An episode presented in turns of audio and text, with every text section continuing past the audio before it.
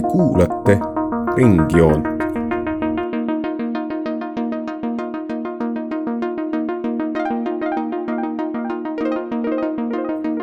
joon ringis. saatesari Varjupaiksed.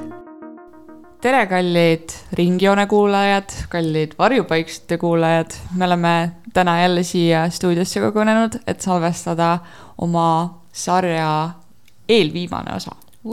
ja me oleme siis jõudnud siia punkti, kus me oleme arutanud äh, väga palju erinevaid küsimusi siis sellest, kuidas mõjutab näiteks majandus, poliitika ja mis iganes teised teemad, mida te saate tagantjärele kuulata. et me oleme kõik need nüüd läbi arutanud ja tänases saates me tegelikult arutaksimegi seda, et kui kõigi eelduste kohaselt üks rändaja jõuab oma sihtkohtriiki, sealt, kus ta siis pageb, siis äh, ta põrkub tihtilugu kokku selle sihtkohariigi kultuuriga ja tänane saade ongi põhimõtteliselt siis selle arutamiseks, et miks, miks selline asi üldse juhtub. ehk siis me räägime täna kohanemisest. enne siis viimast saadet, kus me räägime siis tulevikust üleüldiselt. aga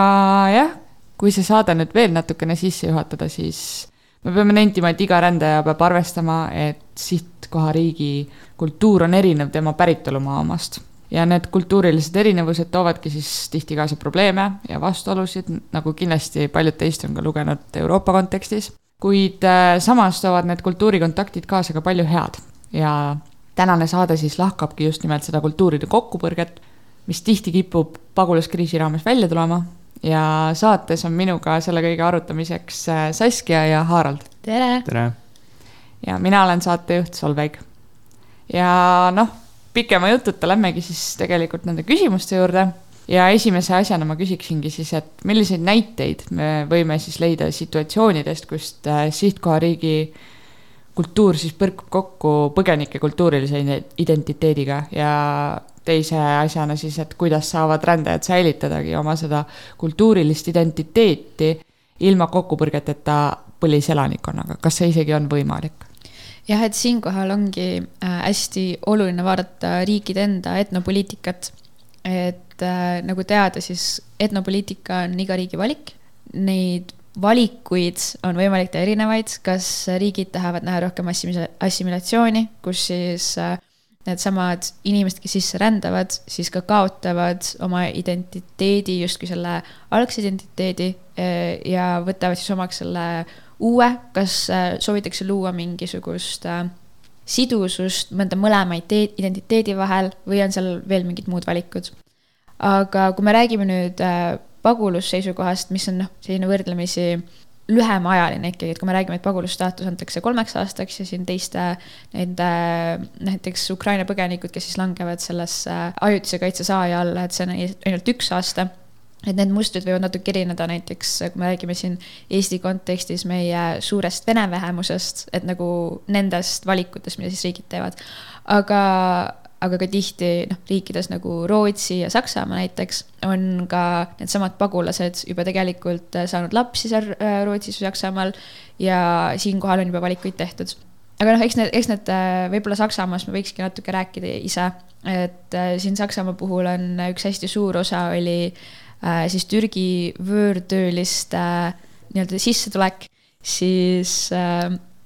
kas see oli nüüd, kui ma nüüd ütlen, siis ma valetan. kas see oli, kas see oli kuuekümnendad, seitsmekümnendad või kaheksakümnendad? üks kolmest. üks, üks kolmest. kuulaja võib ise vaadata, milline. just, mul praegu see. kuuekümnendatel algas. vist, vist jah, et mhm. ühesõnaga toodi, toodi siis äh, Türgist tulid inimesed sisse ja Saksamaa poole pealt oli väga selgelt see ootus, et nad lähevad minema et nad teevad selle töö ära, aitavad riiki üles ehitada ja siis lähevad Türki tagasi, aga noh äh, loomulikult seda ei juhtunud ja nüüd ongi tekkinud siis see olukord, kus äh, Türgi nii-öelda see vähemus siis on ise nii-öelda kohati võib-olla kapseldunud linnades mingisugustesse kindlatesse rajoonidesse, on tekkinud mingisugused äh, alad ja sarnast mustrit on siis näha ka näiteks Rootsis, kus äh, on palju pagulasi, kes on siis kõik koondunud, äh, kuna noh, kultuurilise koha pealt nad lihtsalt omavahel klikivad, on ju. ja siis on tekkinud sellised äh, piirkonnad, kuhu võib-olla nii-öelda rootslane isegi nii-öelda ei julge minna. nüüd see hirm või et ei julge minna, minu arust nagu ongi hästi oluline osa, et ühelt poolt ta näitab siis seda etnopoliitilist valikut riigi poolt, et ei ole tegeletud äh, et ühesõnaga, et ei ole aktiivselt tegeletud siis selle sidumisega, aga teise poole pealt on see ka nagu hästi inimlik, et kui sa ise mõtled, et noh, et ma ei tea, eestlased välismaal ka, et noh, võib-olla meil eestlastena on natuke keeruline, et kui sa oled kuskil reisil ja näed teist eestlast, et ega sa talle tegelikult tere ütlema ei lähe, lähed pigem suure ringiga mööda, aga kui sa juba elad eestlasena välismaal. ja tegelikult need kogukonnad ka tekivad, et ega meil on ju ka Kanadas need eestlaste kogukonnad ja eestlaste majad, kes hoiavad üles, et selline. ja ka nagu... USA-s ja igal pool, kasvõi korporatsioonide näol. just, et tegelikult, et see on hästi inimlik seda sidet otsida nagu enda selle enda, enda jaoks olulise identiteedi osaga, milleks siis on rahvus. Aga, aga jah, eks need, need probleemid on selged ja minu arust siin kohapeal ka teine oluline pool, ma nüüd loodan, et ma kõiki Haraldi jutupunkte ära ei võta, et teine oluline pool on see, et äh, et kuidas siis äh, seda ka poliitilise poole pealt ära kasutatakse, et me oleme siin varasemates episoodides ka rääkinud, et hästi lihtne on seda äh, võõrast nii-öelda ära teisendada ja kasutada seda siis oma mingi poliitilise eesmärgi saavutamiseks, on ju, et kasvõi öeldagi, et sul on need pagulas, et on mingi noh pagulased või siis need võõramaalased, kes siis nüüd elavad võib-olla juba aastakümneid sinu riigis, aga nad on ikkagi äh, kategooriliselt keegi teine. ja siis sa nende pealt hakkad tegema mingisuguseid poliitilisi valikuid et a la, et sa teisendadki nad ära mingiteks vaenlasteks või kellegi, kelle vastu siis äh, kuidagi enda valijaskonda üles tõsta, et see on ka minu arust nagu hästi selgelt alates kahe tuhande viieteistkümnendast aastast nagu olnud, ma ei taha öelda, et see on tekitatud probleem, see kindlasti on probleem, aga just probleem selle koha pealt, kuidas me haldame seda, mitte probleem sellepärast, et see kuidagi olemuslikult oleks halb, äh, mida siis võib-olla mõned poliitilised parteid rohkem nii sõnastavad, et meil on ikkagi vaja kuidagi kasvõi puhast seda rahvusriiki, on ju, et, et see tegelikult, et noh, see on nagu tekitatud probleem, aga see olemuslikult, et kuidas me sidume, et see nagu tõesti on küsimus, millele peab mõtlema. jah, ma ütleme kultuuride kokkupõrke osas äh, ütleks, et äh, palju, eriti ütleme jah, rahvuspopulistlikud äh, jõud räägivad, et äh, migrandid peavad täielikult äh, integreeruma ja assimileeruma äh,. mingis mõttes on see muidugi nagu tõsi, et äh, noh, nad nagu nendepoolne initsiatiiv peab olema olemas, nad peavad olema äh, saama osaks sellest äh, uuest riigist, uuest ühiskonnast, kuhu nad tulevad, aga asi on selles, et äh, sellest kõigest ei ole üldse kasu, kui äh, põliselanikkond lihtsalt väga halvustavalt suhtub migrantidesse. sa ei saa integreeruda, kui sind ei võeta vastu ja ma ütleksin, et see on väga sage nagu probleem, noh, näiteks Eestis noh, ja noh, üleüldiselt noh, niisugustes noh, eriti võib-olla a la Ida-Euroopas. ja siis kokkupõrke osas veel, et paremäärmuslastel on see nagu valge, white replacement'i või noh, jah, valge nagu genotsiidi idee, eks ole, et, et noh, siia Euroopasse ja Põhja-Ameerikasse tulevad noh, nagu noh, ne, nagu nemad ütlevad jah, mustad ja pruunid inimesed ja siis äh, asendavad äh, valgeid inimesed ära, aga point ongi nagu selles, et see on nii nagu noh, see, see on nagu maailma vaatamine ainult läbi konflikti ja nagu jäetakse täiesti nagu kõrvale see, mis on tegelikult reaalsus, on ju, et äh, mitu kultuuri saavad eksisteerida koos ja täiendada üksteist ja anda nagu juurde ja noh, ongi, et, et noh, sa saad olla türklane ja sakslane, eks ole, sa saad olla ukrainlane ja saada eestlaseks, on ju, kui sa tahad et see ongi, ma tugevdaks, ma korraks tuli tunne, et ma tahtsin hakata oponeerida Haraldile, aga tegelikult ma tahaks veel tema argumendile juurde lisada siis omalt poolt, et. et ma arvan tõesti, et see, ka see kultuurikonflikti idee on tegelikult kohati tekitatud probleem. sest küsimus jälle see, selles suhtumises, mis sul on poliitiliselt ja nendest etno või sellest jah, etnopoliitilistest valikutest, mis sa teed. et tegelikult äh, sama asi, et inimese, arusaam inimese identiteedist on meil võib-olla natukene nagu kehvakene et see on tõesti, et noh, kuna me oleme intersektsionaalsed olendid, kellel on ju erinevad tükid oma identiteedist, millest rahvus on ainult üks osa, siis tegelikult see, et see rahvus on ainult üks osa ja sul on neid teisi, tähendab ka seda, et see rahvus ei pea olema ainult üks, et sul võibki neid olla erinevaid täiesti, on ju, et olles ise ka käinud rahvusvahelises koolis, kus sul võib-olla oligi noori inimesi, kes noh, ma ei tea, olid, ütleme, tema oli jaapanlane, isa oli austraallane, terve elu oled elanud kuskil, ma ei tea, Egiptuses, Argentiinas, Saksamaal, noh, sellistes kohtades on ju, et neil, neil oligi see, et oli ebaviisakas küsida, et noh, kes sa siis oled, sest ega noh, nende jaoks oligi kuidagi selline nagu, nende identiteet oligi hästi selline voolav ja see oli täiesti normaalne. et noh, ma arvan, et meil nagu eestlastena on lihtsalt see, et, et meie see oma identiteedi hindamine on olnud hästi oluline. ja kuna meie jaoks iseseisvumine on niivõrd hiline asi siis see, kogu see identiteedi ehitamine selleks, et iseseisvuda, oli väga oluline. Ja ma arvan, et noh, meie kõigi jaoks on mingid aspektid meie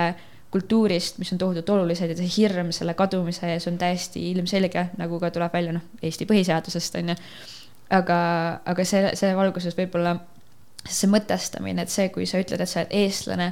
ja midagi muud, et see nagu ei ole olemuslikult konfliktne, vaid see on nagu lihtsalt kahekümne esimese sajandi näitaja võib-olla isegi mina siinkohal natukene oponeeriks, vaadates ajalugu, kus on tegelikult kogu aeg eksisteerinud see konflikt, et tavaliselt kipub olema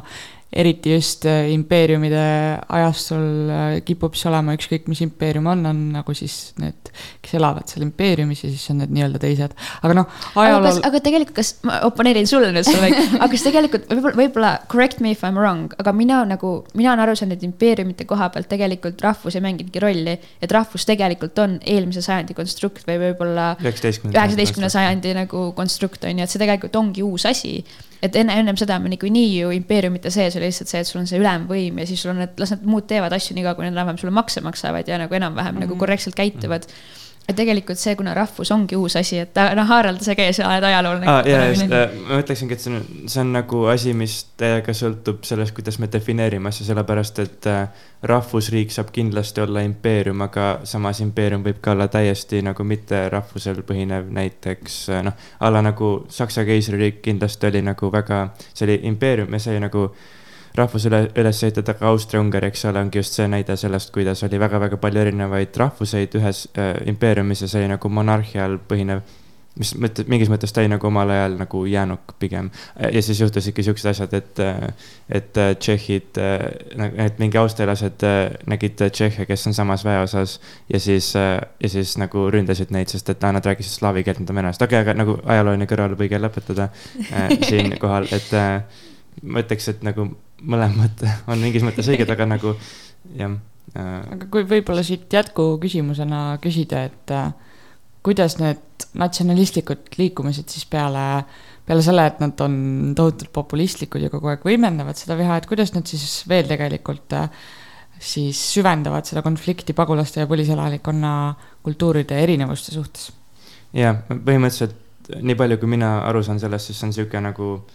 järgnevus asjadel, asjade järgnevus, et noh, tekib mingi kriis, näiteks noh, parim näide sellest on, ma arvan, kaks tuhat viisteist pagulaskriis äh,. siis äh, tulevad äh, noh, mingid jõud, mis juba võib-olla enne olid, noh, noh, parempopulistlikud, rahvuspopulistlikud, äh, konservatiivsed, eks ole, jõud tavaliselt nagu võidavad sellest äh, niimoodi, et nad loovad, eks ole, reaalsuses palju tumedama pildi, et äh, noh, näiteks see klassikaline, et, et kaheksakümmend protsenti nendest on mingi äh, tugevad äh, mehed, kes peaksid praegu kaitsma oma kodumaad, aga mitte lapsed ja naised. Äh, näiteks ja siis äh, tekitatakse inimestes sellega hirm ja sellega omakorda viha, ehk siis nagu noh, foobia põhimõtteliselt noh, eks ole, islamofoobia sellega koos on ju näiteks ja siis äh, ja siis inimesed valivad rahvuspopuliste, siis nad saavad võimule, hakkavad oma poliitikat tegema, mis omakorda. ja noh, mida rohkem nad saavad kõlapinda, seda hullemaks läheb see nagu ühiskondlik vastuolu, sellepärast et nemad nagu toituvad sellest pagulaste vastasest vihast põhimõtteliselt ja minu arust see, selle juures ongi hästi huvitav ka see, et kuidas äh, võib-olla kogukondades, kus ennem ei ole probleemi, suudetakse probleeme tekitada. et ma, ma nüüd jään täpselt näite võlgu ja räägin sellepärast natuke võib-olla teoreetilisemalt aga kui vaadata konflikti tekkimise mustreid, siis tegelikult äh, selleks, et asi jõuaks nagu otsese konfliktini, on sul seal all struktuurne ja kultuuriline konflikt, on ju. ja kultuurilise konflikti koha pealt ongi see, et kui sa nagu tekitad äh, näiteks ongi need populistlikud jõud on ju, hakkavad järsku rääkima sellest, et meil tegelikult nagu inimestena ikkagi on erinevused ja võib-olla see, et su naaber on türklane, seal noh, näiteks Saksamaal on ju, et sellepärast, äh, et sellepärast see, Saksamaa on tegelikult halb näide ma tahaks Jugoslaavia näidet no, selle peale, et noh, see on mingis mõttes selles mõttes hea näide, et inimesed räägivad sama keelt või noh, rääkisid, noh, siiamaani räägivad, aga noh, võtame siis on ju kolmkümmend aastat tagasi, et inimesed räägivad sama keelt, aga on erinevat usku, on ju, ja siis mingi Bosnias nagu, nad elavad kõrvuti ühes riigis ja mitte mingit probleemi ei olnud nagu mitukümmend aastat. aga siis nagu just nimelt oligi täpselt see, et kaheksakümnendatel hakkasid äh, Serbia ja siis noh, ka need teised äh, nagu äh, rahvuslik, noh, rahvuslikud poliitikud hakkasid nagu võimendama neid äh, pingeid, mis nagu polnud väga asi vahepeal ja siis see plahvatas nagu täiega sõjaks, et noh, nagu see othering tekkis põhimõtteliselt, kui enne oli nagu, et me oleme kõik üks suur pere, sama rahvas põhimõtteliselt, siis nagu jah, ja, jah, Saksamaa puhul muidugi on see, et nad on nagu, Saksamaa puhul on muidugi see, et nagu see keel on erinev a la nagu türklastel, süürlastel versus sakslased, aga. just, aga no, ma arvan, et see on väga hea täpselt näide, et me praegu täiuslikult täiustasime teineteist, et see ongi see, et et see, et sul tekibki, on ju, see kultuuriline konflikt ja selle pealt tekitatakse nüüd see otsene konflikt et tegelikult noh, see on seesama see reaalsuse taju küsimus on ju, et kuidas me, kuidas me räägime asjadest, et noh, sama asi, et oletame, et et mul on mingisugune noh, praegu tegelikult ka selle Ukraina sõjaga äh, oli ju näha, et noh, meil Eesti-Vene konflikt on niikuinii nagu pidevalt kuskil on ju säriseb. aga nüüd näiteks mul on ka üks Eesti-Vene sõbranna äh,. Shout out sõber Saskiale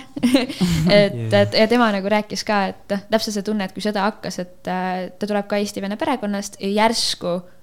ta pole sellele nagu noh no ta ikka nagu mõtleb sellele, aga järsku see asi nagu niivõrd nagu võimendus, sellepärast et äh, nüüd ta pidi kuidagi justkui kohati nagu vabandama hakkama. Et, et noh, et ma ütlen, et need asjad lihtsalt nagu noh, ongi töötavad, et kui sul tekib nagu selline kultuuriline, kultuuriline konflikt järsku, et need asjad lähevad otsaseks. aga liikudes siit edasi siis kolmanda küsimuse juurde, siis ma küsiksingi, et kuidas siis äh, toimida olukorras, kus äh, meil on konfliktid ülemaailmsed, mis kestavad tegelikult ka järjest rohkem aega. Et äh, minu küsimus siis olekski, et kuidas äh, nende järjest pikemate konfliktide puhul, kus siis inimesed ei saagi naasta oma koduriiki, kuidas nad peaksid siis sinna sihtkohariiki integreeruma, kas nad peaksid seda tegema mingil hetkel lõplikult, hoides siis oma seda päris kultuurilist identiteeti ainult nagu südames? Ja teise poolena võib-olla siis vaadatagi seda, et isegi kui nad lõplikult integreeruks, siis kas neid aktsepteeritaks kunagi lõplikult selles sihtkohariigis, kus nad elavad? vot see on jälle valikute küsimus, et see ongi see, et oleneb, mis suuna riigid valivad. Ja mina selles suhtes ei ole assimileerimise usku. Ma ütlen selle välja, see on, mina, mina ei ole, aga riigid teevad seda. Ja võib-olla mõne riigi jaoks see ka võib töötada see tuleneb sellest, kuidas me teeme seda, et see on selline pehme võimu aspekt, on ju, et mida me koolis õpetame, mida me räägime meedias, äh, riigimeedias, et kuida-, kuidas me asjadele läheneme. sest mina ei arva, et äh, kellegi identiteedi osa väljalülitamine kuidagi saaks olukorda parandada, kuna kui me seda üritame välja lülitada, siis võib mingi paarikümne aasta pärast tulla keegi teine, kes hakkab seda tagasi sisse lülitama. ja tegelikult oleks mõistlikum asjad äh,, asjad kohe nii teha,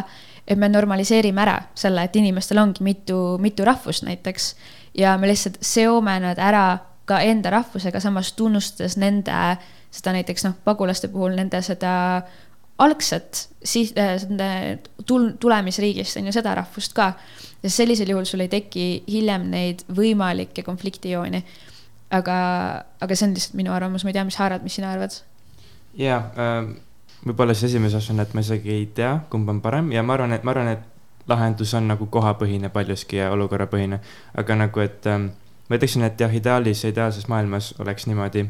et äh,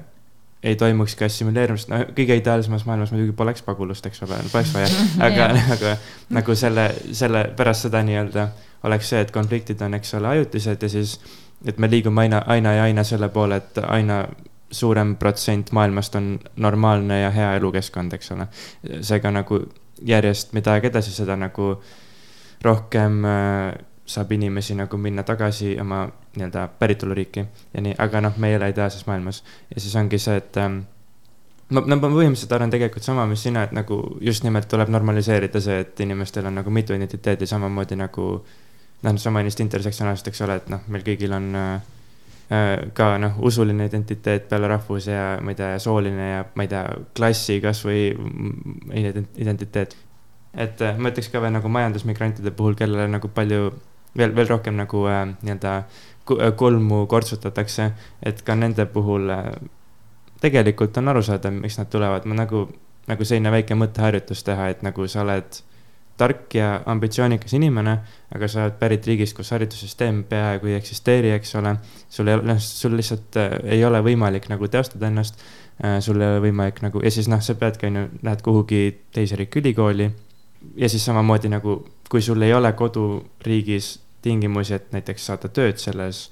selle, selle jaoks, mis, kus sa oled kvalifitseeritud, siis nagu paratamatult äh, sa peaksidki nagu jääma sinna riiki nii kauaks, kuni see muutub võimekaks või noh, see ongi jällegi see ideaalse maailma värk, vaata, et üks inimene ei saa nagu muuta maailma. näiteks nagu nende, noh näiteks nigeerlaste puhul, kes Eestis on, eks ole, noh, nad ei põgene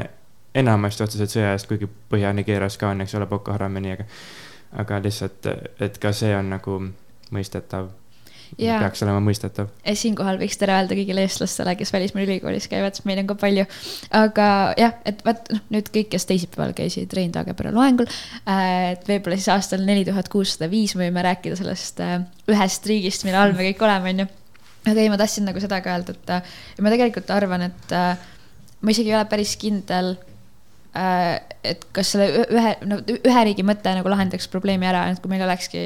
mingit sellist jagunemist. Aga ma sellest arvan, et see on nagu okei okay,, et noh, see on, see on okei okay,, et meil need haldusüksustena nagu riigid on, et see on täiesti, täiesti timmu, et selles suhtes mina seda nagu ei arva, et meie pääsetee oleks mingi maailma kodaniku, maa, maailma rahvus näiteks aga noh, ma arvangi, et see vajalik on just seesama normaliseerimine ja kõik tegelikult hakkabki kohati ka haridussüsteemist peale. Et ka sama selle etnopoliitiliste valikutega, mis riigid teevad, tegelikult ma arvan, et meie valgekraed peaksid saama võib-olla natuke rohkem teadmisi selles osas, kuidas töötab identiteet äh,, kuidas, kuidas nagu nende valikute tegemine mõjutab ka pikaajaliselt, et kui ma noh, mõtlengi, et kui ma ise mõtlen äh, mingi rahu, rahuloomeprotsessidele, siis just see teadlikkus on hästi oluline osa sellest. ja, ja just see intersektsionaalsuse küsimus, et kui sa ikkagi, et noh, et inimesed vajavad seda tunnustamist sellele, kes nad on ja rahvus on osa sellest. Et mi- mis see siis iganes on, kas on see, et sul on erinevad tähtpäevasid, mida sa saad tähistada, kas sul on see, et sul on lubatud kanda oma mingeid kultuuririideid, sümboleid, ma ütlen Prantsusmaal see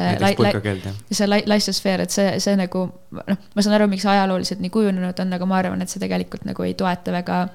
konfliktide vähenemist riigisiseselt. et sul, et sul on nagu, sul on vaja seda tunnustust ja see normaliseerimine on see, mis on okei okay,, et ega ju tegelikult äh, see on sama teema, et ega väikesed lastel pole ju vahet, kas nad mängivad tumedanahaliste või äh, või valgenahaliste või mingisuguste teistsuguste lastega, on ju, et tegelikult see kõik on õpitud äh, meie need noh, mured, hirmud, need kõik on õpitud kuidagi. et kui me nagu selle hirmu õpetamise kuidagi lahti, lahti saaks, et see oleks nagu tore, lihtsalt võib-olla vaat meie regioonis on seda selles suhtes natuke keeruline teha, on ju, et noh, me lihtsalt näemegi neid inimesi vähem kuna me oleme siin kõik ikka sellised noh, blondid sinisilmsed ja aar- aaria rassi suurkujud on ju. see, see just näitabki võib-olla, et nagu mida rohkem, mida vähem on reaalseid kontakte, seda rohkem on hirmu ja seda rohkem on seda vastandumist jah, et nagu ka kuna noh, Lääne-Euroopas, kus on rohkem neid kontakte on nagu vähem äh, otsest vastuseisu, protsentuaalselt vähemalt. aga me ikkagi minu arvates vähemasti tihtilugu näeme seda, et äh, eurooplastel vähemasti ja eestlastel siis samuti, olles eurooplased, on Uhuu. tihti, on tihti keeruline võib-olla omaks võtta neid inimesi, kes tulevad kaugemalt. et äh, meil on olnud väga lihtne võtta vastu näiteks Ukraina sõjapõgenikke meil on ka ühine vastane on ju. jah aga üldiselt nagu see, mis mind huvitab, olekski siis see, et kuidas siis mõjutab see kultuuriline lähedus rändajate integratsiooni, et me oleme võib-olla seda natukene näinud, aga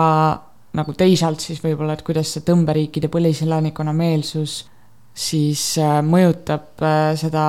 rändajate inimõigustest kinnipidamist, sest et nagu tihtilugu Ukraina näide on olnud positiivne, aga just need äh, näited, mis meil on sellest, kuidas äh, vägivald toimub siis äh, tumedanahaliste või, või Lähis-Idast pärit pagulaste vahel, et see on tegelikult ju väga tihe, et mi- mida teie arvate? Ja et ma arvan äh,, siin tullaks tagasi korra selle koha peale, mida me vist varasemates episoodides oleme ka arutanud, mis on täiusliku pagulase mõte. et ei ole sellist inimest nagu täiuslik pagulane. Ja võib-olla noh, ukrainlased kohati nagu meie jaoks äh, on täiuslikud selles suhtes, et noh, meil on see ühine vaenlane, me näeme seda sõda, me kõik tunneme kaasa neile, meil on hästi lihtne neile kaasa tunda, sest me tunneme ennast neis ära. Ja sellepärast meil on ka lihtne neid aidata. Ja meil on ka olemas see ootus, nad lähevad tagasi, on ju. Aga just nende võib-olla Süüriast, Nigeeriast, Lähis-Idast tulevate inimestega ongi, ongi see asi, et me, me ei saa päris hästi aru neist ja siis meil on hästi kerge hakata neid liigitama kuidagi. ja samas ka oodata, on ju, et nemad peavad olema need, kes kuidagi tahavad ise assimileeruma hakata, nad ei pruugi ju tahta, nad ei, tegelikult nad, ei peagi tahtma. et see nagu, et nad ei ole nii-öelda täiuslikud ja sellepärast on see meie jaoks keeruline. et võib-olla jah, et see pinge mahavõtmine neilt on minu arust hästi oluline asi nende inimõiguste kaitsel ka. ja see ongi see, et noh, et ürita kuidagi lihtsalt äh, ise empaatilisemalt võib-olla mõelda sellele ka nagu laial skaalal ja see loomulikult on hästi keeruline. aga see hakkab sellest peale jällegi, et noh, et kuidas me räägime riigi tasandil, kuidas me räägime riigimeedias, kuidas me näitame neid inimesi. ja noh, me, me ka ikkagi äh, me, kuulajad ka, et te teaksite, kui te, ma võib-olla te ei jälgi täpselt, mis meie Facebooki sinal toimub, aga meie oleme juba saanud heklerid endale. meil just üks här-, ka paar härrasmeest kommenteeris. hashtag paste Yes, mingi äh, paar härrasmeest äh, kommenteeris meie, mis oli viimase postituse all, et oo oh, kuradi ränne, ühesõnaga selle peale onju. et, et noh, et ongi, et kuidas nagu nende, nende inimeste pähe ka saada, et see on, see ongi tohutult keeruline aga, aga see on nagu see suunitlus minu arust, mis nagu võiks olla, et, et seda inimlikkust kuidagi jagada. ja seda poolt, et tõesti, et see ei ole nagu nende õlul ainult, kes tulevad, et see on ka meie õlul neid vastu võtta. ja nad ei pea olema täiuslikud. jah, ma olen nagu väga nõus selle osas, et äh, eks see on puhtalt sellepärast, et jälle äh, ukrainlased ongi jah, meie jaoks nagu täpselt me tunneme ennast neis ära, on väga hästi öeldud, et nagu ta nagu see oleks võinud olla meie nagu, eks ole, eestlaste puhul. ja siis ütlesid nagu, kui ma väikese poliitilise teema kõrvalepõike jälle teen, siis ma arvan, et see on see see on see asi, milles nagu Ukraina kriis erineb väga, pagulaskriisina erineb väga palju kahe tuhande viieteistkümnenda aasta kriisist, et nagu siin nagu noh, hetkel on ka samamoodi populistid üritanud, on juba tekkinud selline nagu ukrainlaste vastane sentiment, eks ole, aga nagu ma arvan, et Eestis ja noh, Ida-Euroopas see ei toimi mitte kunagi, selle nagu pigem ainult vastupidi. Nad valavad sellega endale nagu keevat vett kaela või kuidas seda öelda, sest et sest et, äh, sest noh, eestlased vihkavad venelasi alati lõputult rohkem, kui nad saaksid kunagi ukrainlasi vihata. nii et äh, põhimõtteliselt lühidalt, aga, aga jah, et äh, eks ta paratamatult see ole, et, et just eriti nagu ütleme, konservatiivsematele inimestele ka, ma arvan, nagu et noh, nende jaoks lihtsalt tihti ongi niimoodi, et aa, need ukrainlased on ka valged inimesed ja nad on ka nagu noh, on ka venelaste vastu ja noh, nagu, nagu meie ja, ja noh et ja. Äh, see ongi palju raskem on nagu täiesti võõra kultuuri inimesi nagu Just. nende jaoks teha vastuvõetavaks. ja siinkohal võib-olla ongi nagu natuke raske see, et äh, ma ei oska nagu täpselt on ju rääkida mingist muust kontekstist kui Eesti kontekstis, et kuna me teame, et enamus pagulasi ju tegelikult lähevad naaberriikidesse, et siis nagu just on ju Lähis-Idas ja, ja Aafrika, Aafrika riikides lähevad tavaliselt just nagu piiri taha ära, on ju. et, et ma ei tea, ma olen täiesti kindel, kuidas seal see olukord on. aga, aga noh, sul Eesti kontekstis on ju tekibki see küsimus, et noh, meie mured on hästi selged, sealsamas, et meid on, meid on ainult, on ju noh, no tegelikult eestlasi on ju ainult mingi üheksasada tuhat, on ju. ja noh, meil on põhiseaduses on kirjas, et Eesti riik on umbes Eesti kultuuri kaitseks ja noh, kõiki neid asju, on ju, et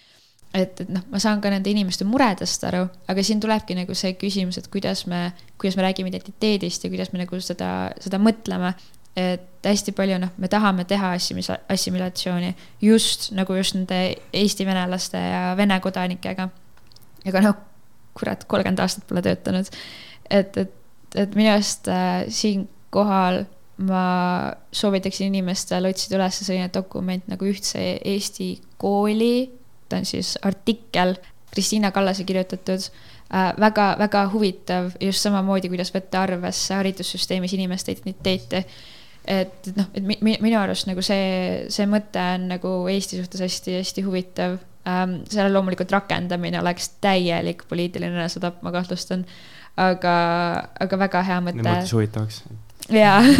et noh, see on sama asi, et äh, kuidas me, kuidas me on ju räägime mingitest lahendustest, et ma arvan, et enamus eestlastel oleks hästi kerge öelda, et loomulikult kõik peavad meie moodi olema, siis me peame ennast kaitsma, on ju, aga lihtsalt see pilt on nagu natuke laiem, et see, et et no mitte noh, et ta, taaskord ma olen seda vist ühe korra varem ka öelnud, aga mina pole kunagi tundnud niivõrd eestlane kui nendel aastatel, kui ma elasin välismaal. et noh, et see ongi see, et identiteet lihtsalt on selline voolav asi, et sinna pole midagi teha.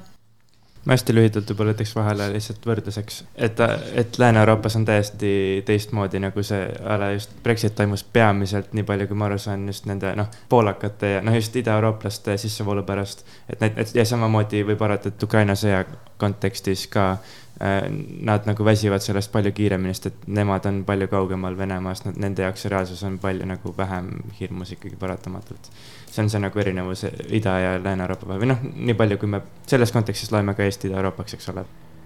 aga siinkohal tegelikult äh, saavad mul ka küsimused otsa, ma ei tea, kas teil kummalgi on mõni viimane mõte siia juurde öelda? Ma võib-olla ütleksin seda, et äh, need protsessid selles suhtes ongi kahepoolsed, me terrorismist ei jõudnud rääkida otseselt, aga ma arvan, et äh, ka enda jaoks teadvustada et näiteks nii nine eleven kui need Pariisi rünnakud on ka on ju terroriorganisatsioonide poolt tegelikult äh, püüdlus just sedasama lõhet tekitada. ja lõhed on alati halvad, ma ütlen selle välja ja keegi võib mulle vastu vaielda. aga see on see, kuidas mina maailma näen, on see, et kui meil tekivad lõhed, siis nende pealt tekivad konfliktid ja kui me tahame elama, elada maailmas, kus oleks vähem konflikte, vähem sõdasid äh,. tähendab, okei okay,, ei, konfliktid iseenesest ei ole halvad asjad, kui me neid lahendame, lihtsalt me väga hästi ei oska lahendada konflikte enamus inimesi, et see, see on nagu keeruline. ja sellepärast lõhede osas peab olema ettevaatlik ja ka terrorirünnakud on tegelikult viis, kuidas tekitada seda teise pilti et äh, siis enda agendat täita ja alati peab olema hästi ettevaatlik, kui keegi, kas on sinu enda riigi sees, kuidagi globaalsel tasandil hakkab tegema mingeid meie, nemad, meie, teie äh, Äh, teisendamist, sest see viib tavaliselt sellistesse konfliktidesse, sõdadesse, mida on keeruline lahendada. et ma, ma ka nagu soovitaksin võib-olla natuke rohkem üleüldiselt läheneda asjadele selle nurga alt, et me üldiselt oleme meie. Üldiselt võiks oletada, et inimesed on toredad. toredaid inimesi ja halbu inimesi on igat värvi, igasuguse, igasuguste näojoontega, räägivad igasugust keelt et, et see on nagu see baaskoht ja olla nagu avatud just ja sellisel juhul ka ma arvan, et integratsioon võiks nagu töötada ja nüüd nagu riigi tasandil just see etnopoliitikalised, etnopoliitilised valikud on need, mis on äh, olulised, et need oleksid nagu läbi mõtestatud. et mille pärast me kuidas asju teeme ja võib-olla ka, ma nüüd tean, et meie kuulajaskond on küll Spotify statistika järgi kuuskümmend protsenti naised vanuses üheksateist kuni kakskümmend viis. aga kui keegi satub kuulama, siis mina soovitaks ka riigijuhtidele julgust, et teha ka võib-olla mingeid ebapopulaarseid valikuid just etnopoliitilise poole pealt jah, ma noh, kaks lühikest asja, et äh, sekundeerin seda väga, et äh, ebapopulaarsed valikud mõnikord on õiged valikud selle pikas plaanis aga jah, veel, et Gustav Suits ütles, olgem eestlased, aga saagem ka eurooplasteks sada aastat tagasi uh!. mina ütleksin, jäägem eestlasteks, aga saagem avatuteks. Oi kui ilus, Harald, see oli nii ilus praegu. ja selle ilusa lõpuga ma tegelikult tõmbangi otsad kokku. ma loodan, et kõigil kuulajatel on olnud tore ülikooli algus. Äh, meil vähemasti siin vist tundub, et on olnud ja kindlasti, kui keegi tahab tulevikus võib-olla sarnast saadet teha, siis kandideerige ka RSR-i liikmeks, see on praegu veel täiesti võimalik. järgmisel kolmapäeval ootame me teid kõiki vestlusele juba ja ega mul rohkem midagi öelda ei olegi. aitäh, et kuulasite ja järgmine kord juba viimane osa Varjupaikseid. nägemist. nägemist. nägemist käesolev meediasisu on valminud koostöös MTÜ Mondoga projekti Jagatud teekonnad raames, mida kaasrahastavad Euroopa Komisjon ja Eesti Rahvusvahelise Arengukoostöö Keskus. meediasisu ei pruugi väljendada rahastajate seisukohti